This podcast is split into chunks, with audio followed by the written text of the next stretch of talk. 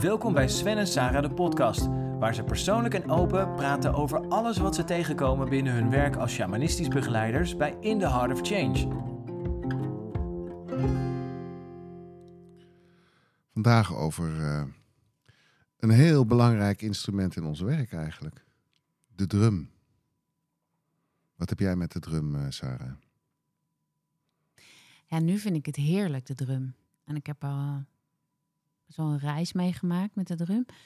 Maar in het begin moest ik daar heel erg aan wennen. Ja, ik heb nog eens een keer gezeten in een, in een kroeg met jou na een ceremonie. En dat ik zei, nou, dit is een functioneringsgesprek. Eh, alle aspecten doe je goed, maar drum technisch. Ze raakte de drum gewoon niet aan. Nee. Er was een soort van ontzag wat ik had voor de drum. En misschien ook wel een angst. Want het geluid van de drum kwam heel erg binnen. En ik, om mijn eigen geluid te gaan maken op de drum, vond ik best wel spannend. Nou, wat ik heel bijzonder vond, is dat ik zag gewoon dat je er heel erg omheen liep. En dat op een avond, volgens mij na een paardenceremonie, zat je bij een vuur met een andere vrouw. En ineens zag ik je die drum pakken. En met die vrouw een ritme drummen, wat volgens mij een conservatoriumstudent drum echt nog steeds niet na kan spelen. Dat is onaanvolgbaar. Twee vrouwen op een drum bij dat vuur vergeet ik nooit meer. Ja. En toen had je ineens je eigen geluid te pakken. Ja, dat was een heel eigen geluid. Ik heb het niet meer nog een keer na kunnen doen. Maar wat, ge- nou ja, maar wat gebeurde er toen? Kan je daar iets van, van beschrijven? Nou, het was donker. Dus het, het was echt, het was laat en het was winter en het was koud. En er was een soort van hele diepe, liefdevolle dag geweest met de paarden. Ritme van de paarden misschien wel. En toen had ik geen, ehm, I didn't hesitate. En toen opeens was ik al bezig en had ik er plezier in. Ik denk eerlijk gezegd dat ik dit zo hoor, dat, dat wanneer drummen niet lukt, en we hebben het hier over, voor de helderheid over shamanistische drums, van die handdrums. En, en als mensen in hun hoofd zitten tijdens het drummen, dan, dan, dan raken ze gewoon de groove en het ritme kwijt. En ik denk dat wat er gebeurde toen was dat je helemaal zonder gedachten was. Dat de drum jou aan het drummen was. Het, het kon echt ook niet. Dat ritme kon ook, ook niet. En die vrouw die drumde ook volgens mij voor het eerst. En die pakte ook dat ritme op. En jullie deden iets wat je zeg maar met je mind niet kan. Nou, het grappige was, het was geen vrouw. Het was een man met heel lang haar. Maar Oh ja? Ik snap wel dat jij dat denkt, maar we waren wel helemaal eh erin, ja. En hij had ook wel echt iets vrouwelijks. Maar dat was een, ja, Oh, wat grappig. Ik heb echt een in heel je herinnering beeld. heb je twee Ja. vrouwen. dat snap ik wel. Maar we, we- het, nou ja, dat was volgens mij key. Het was heel speels. Dus het, het was ah, gewoon een beetje proberen. En toen ontstond daar iets heel moois. Maar daar gaat het wel over. Dat je dus naar je eigen ritme gaat. Dat je niet iets gaat proberen. Of dat je iets gaat produceren. Of dat je iets moois gaat maken. Want ik denk dat ik het... Ja, nu weet ik beter wat er, wat er, wat er speelt. Ik vond mezelf niet muzikaal. Oh ja. En daardoor had ik een soort van verbod op de drum voor mezelf. Want dan Verpest moet je, het. moet je muzikaal zijn. En dat laat ik dan over aan de mensen die muzikaal zijn. En ik zag het niet als een tool. En eigenlijk in ons werk, nu ook, ehm, is het echt mijn tool geworden. Om af en toe iets los te drummen of eh, mijn eigen ritme te, te voelen. Of het gaat niet meer over dat iets mooi moet zijn. Het gaat erover ehm, dat het een uiting is. Of dat het een dat het, functioneel is in het moment. Het Daar is, kan ik wel naar luisteren. ja, want het is in ons werk is zeg maar, zeg maar puur technisch. Eh, de drum is om... ehm, via de drum wordt het beenmerg in, in beweging gezet. En in het beenmerg zit alle informatie van onze voorouders. Het is ook echt het oudste instrument wat mensen bespeeld hebben. Het is nog steeds... Doet het een beroep op die oergroove die in ons zit. Ja, het Dus- is echt gronding. Het is pure gronding, maar ook echt gronding in je, in je vooroudersysteem. Het is gewoon heel, heel, heel diep oud. Ja. En mensen die heel vaak komen in onze ceremonies, komen mensen voor het eerst in aanraking met de drum. En nou, we kunnen van allerlei dingen doen. Maar dan zeggen ze, ja, maar die, die drum, die raakt me zo diep. Ja, Ik- alsof weet ik iets herinner. Alsof ik me iets herinner, inderdaad. En dat is dat beenmerg wat in beweging komt. En wat zijn eigen informatie gaat laten. Dus het is meer dan het slaan op een instrument in een ritme. Het is echt een, een instrument om je hele systeem in beweging te zetten. Ja, het is een geheel eigen taal eigenlijk. Ja. De taal van het ritme en de taal van de klank.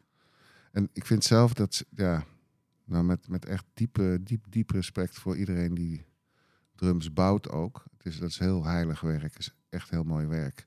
Om met, ja, sommige, mensen bouwen ook een eigen drum. Ik heb ook mijn eigen drum gebouwd. Is een prachtig eh, ritueel eigenlijk. Waarbij je ook echt nou, de huid van het dier eert en de energie van het dier. Het is, het is echt een wezen. Een drum is een levend wezen. En dient ook als zodanig behandeld te worden. Soms, soms pakken mensen, mensen drums en dan gaan ze erop rammen alsof heel hard slaan. Alsof dat dan, Nou, dat is het, dat is het idee van kracht ja. neerzetten. Dat je hard moet rammen. Terwijl het eigenlijk een verbinding is met de aarde. Het is Mhm. het uitnodigen van de aardekracht. En die inactieve kracht, als je die helemaal toelaat. Nou, als je zelf thuis een drum hebt, er is een groot verschil tussen zelf drummen en jezelf laten drummen door je drum. Dat als het ware het ritme zichzelf gaat voeden en laat zien. En het is een heel mooie manier om eh, energie in beweging te brengen en ook weer los te maken en gewoon zijn natuurlijke weg naar moeder aarde te laten kiezen.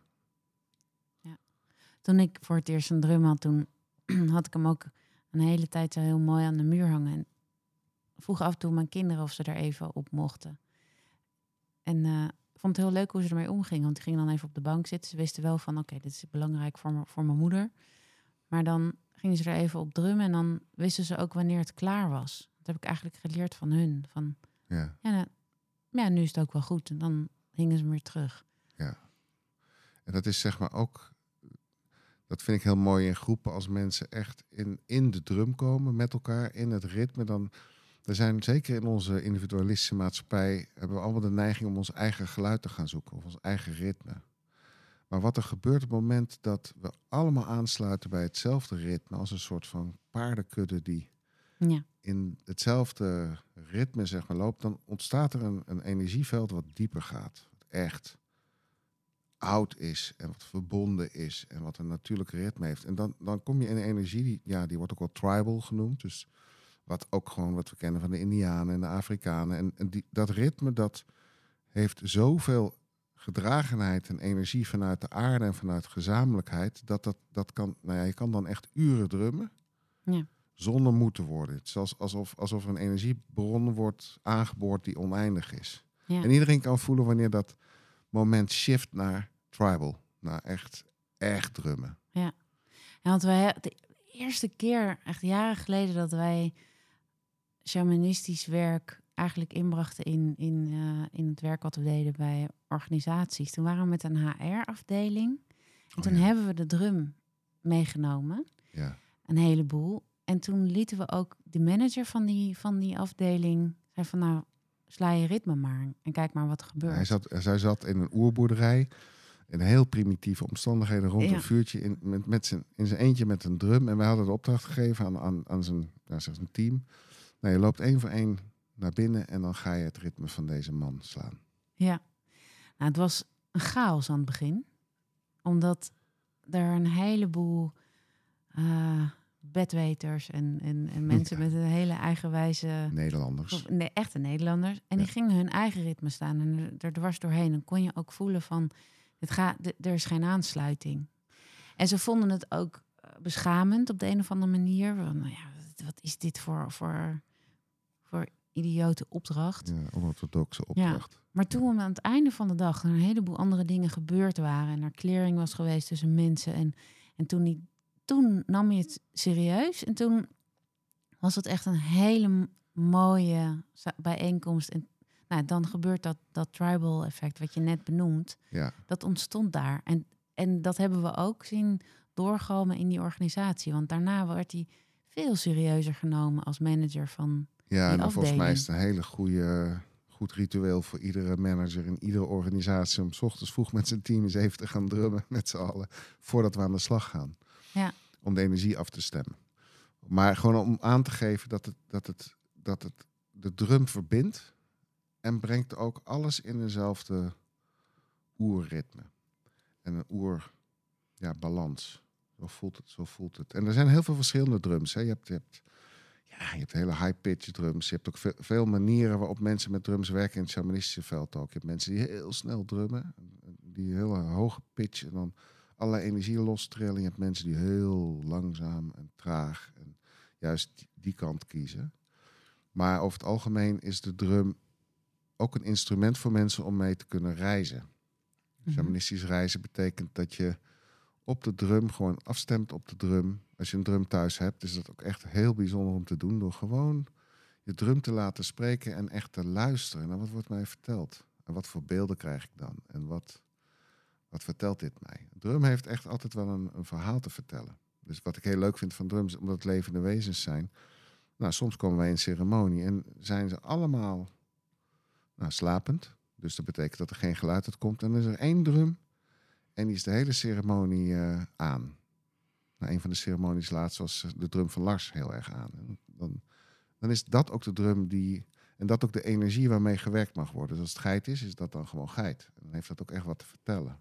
Dus ze hebben een heel verhaal te vertellen. En wat vertelt Geit jou dan?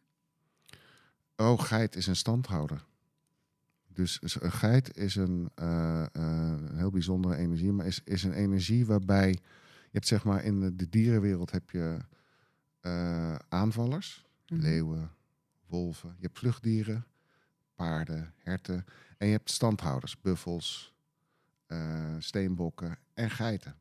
En dat is een hele pittige energie die zijn hoorns gewoon erin zet en zijn, zijn plek behoudt. Dus het En gaat niet heel wijkt. niet wijkt. En het gaat heel erg over dan in zo'n ceremonie over je eigen plek kennen. In je eigen sacred space, zeg maar, eh, kennen en ook gewoon beschermen. En daar hoef je niet heel erg eh, fanatiek voor te worden. Of, of, of je hoeft alleen maar in jezelf die energie Te blijven staan. blijft staan. En in die ceremonie ging het ook heel erg over sacred space. Ken ik mijn eigen ruimte? Weet ik wat, nou, wat goed voor me is? Weet ik wat eh, mijn ruimte verstoort? En ga ik ook staan voor die plek? Hey, en wat, jij hebt heel veel drums. Ja. Wa- Wat is je favoriete drum? Ja. Ah. Ik heb echt beer. Mhm. Ik heb eh, paard, buffel, ehm, eland, hert. En een hert is wel mijn oerdrum. Die is gebouwd door een hele bijzondere drumbouwer die ik ook wil eren, Mario.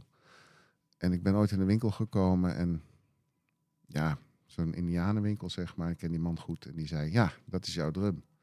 Ik dacht, ja, jij bent een mooie verkoper. Jij, eh, het is wel goed. Hopi Hoop Navarro je Navarro, ja. in, Max. in Den ja. Haag. En mijn moeder was er drum aan het uitzoeken, dus ik had haar mee daartoe genomen. Zij was drum aan het drummen en ik dacht, nou, ik pak toch even die, die grote hertendrum. Echt een mooie drum.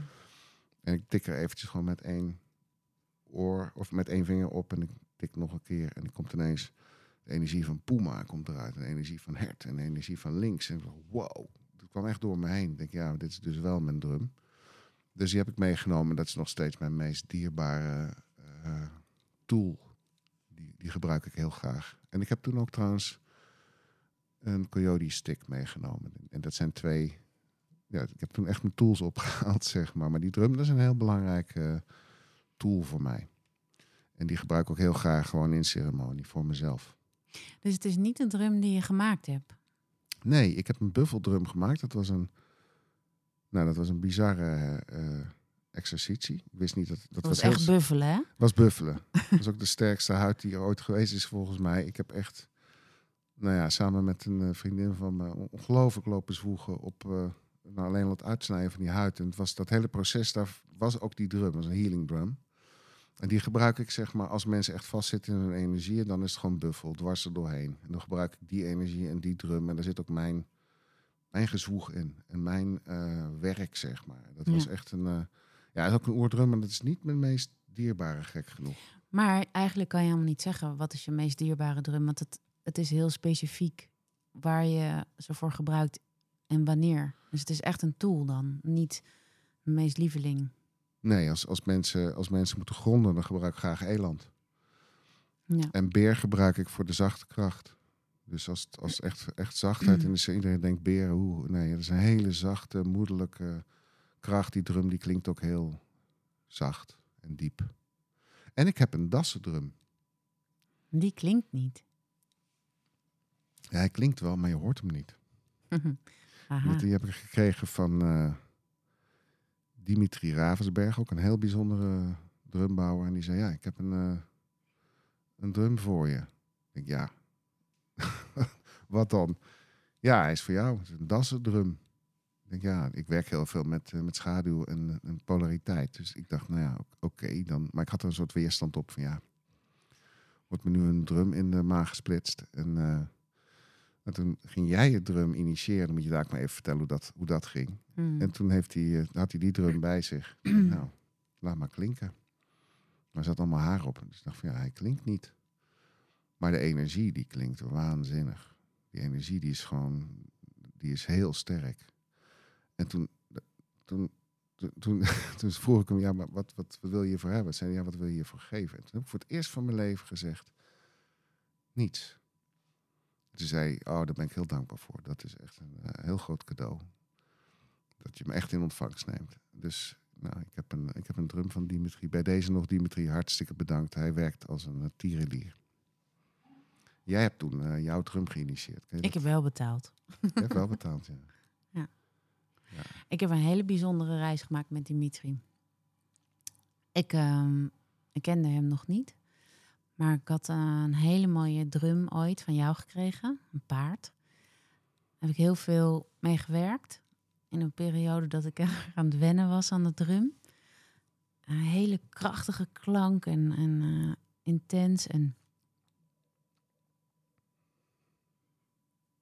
toen hadden wij eh, nou, afscheid van ons, eh, eh, van ons Raven kindje, wat, wat, Mhm. niet geboren werd.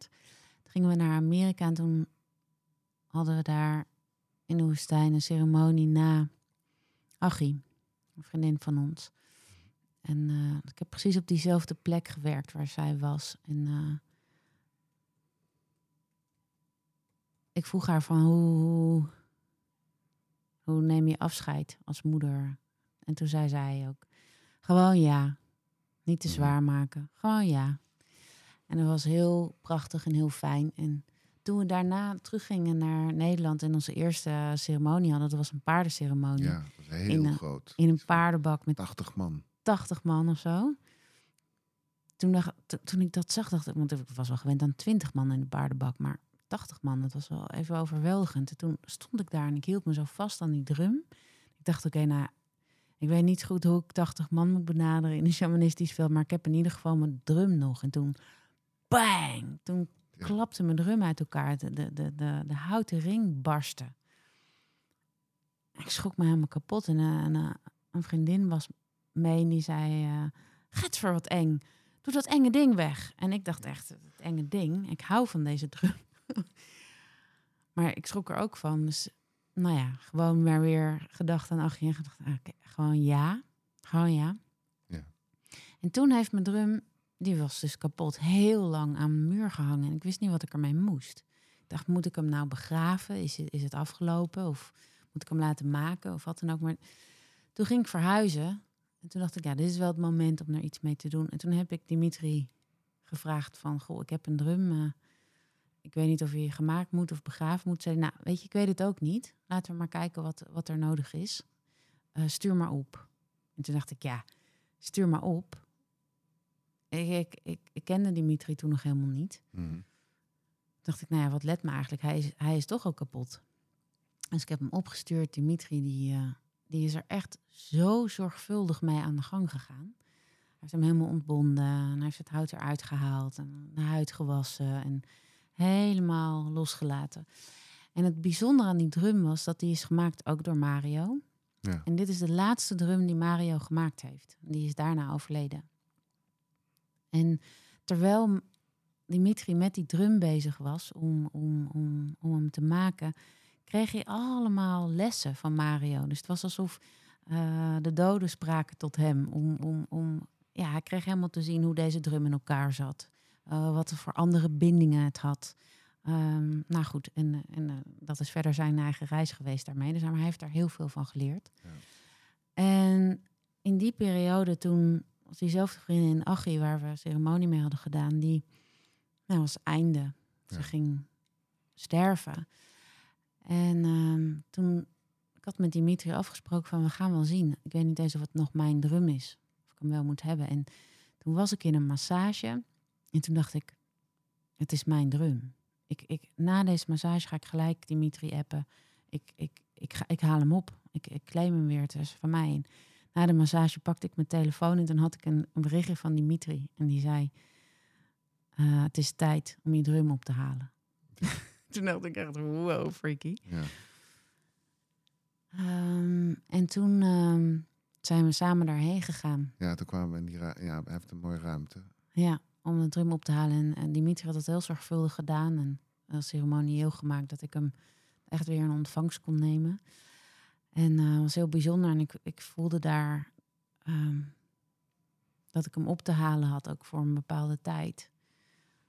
Ehm, En toen lag daar. en toen lag daar ineens een eh, berenhuid. En toen zei ik, eh, wow, ja, ik heb, ik, ik, wat, wat is dit? En toen zei hij, ja, dat is, eh, ja, dat is eigenlijk niet van mij, dat is van Achie. En eh, toevalligerwijs wilde ik dus deze drum heel graag op, ophalen, omdat ik in een tipi met vrienden zou drummen terwijl Achie naar de andere kant zou gaan. En realiseerde me in dat moment dat, dat Dimitri dat zei, dat mijn drum niet meer had geklonken sinds de laatste ceremonie die ik na haar had. Ja. En dat de eerste keer dat mijn drum weer zou klinken, op het moment zou zijn dat ze naar de andere kant zou gaan. Dus het was alsof deze drum Ja, een stilteperiode had ingebouwd voor. Dus het was de eerste keer dat ik hem weer hoorde. En ehm, ja, maar deze drum is ook echt de verbinding tussen de, de wereld van de, de doden, zeg maar, en de wereld van de levenden. Daar is hij ook echt voor. Daar Dat- gebruik je hem ook echt voor in de ceremonie. En Ja. ook in het voorouderwerk is dat ja, de meest actieve drum. Ja. Dus het is, ja, drums, het zijn wezens. ja, Het zijn echt, het zijn levende wezens. Ze hebben een verhaal te vertellen. Ze willen ook een bepaalde zorg en aandacht hebben. Dus het is bijna net als met een huisdier. Als je, als je bedenkt van, nou, na een aanleiding van deze podcast, ik wil wel een drum. Ja, dan heb je ook gewoon zorg te dragen voor dat wezen. Wat de drum, zeg maar, jou te vertellen heeft. En daar ook voor te zorgen. Ja. Ehm, het is in ieder geval een, het zet je in beweging. en het is een, een vriend voor het leven.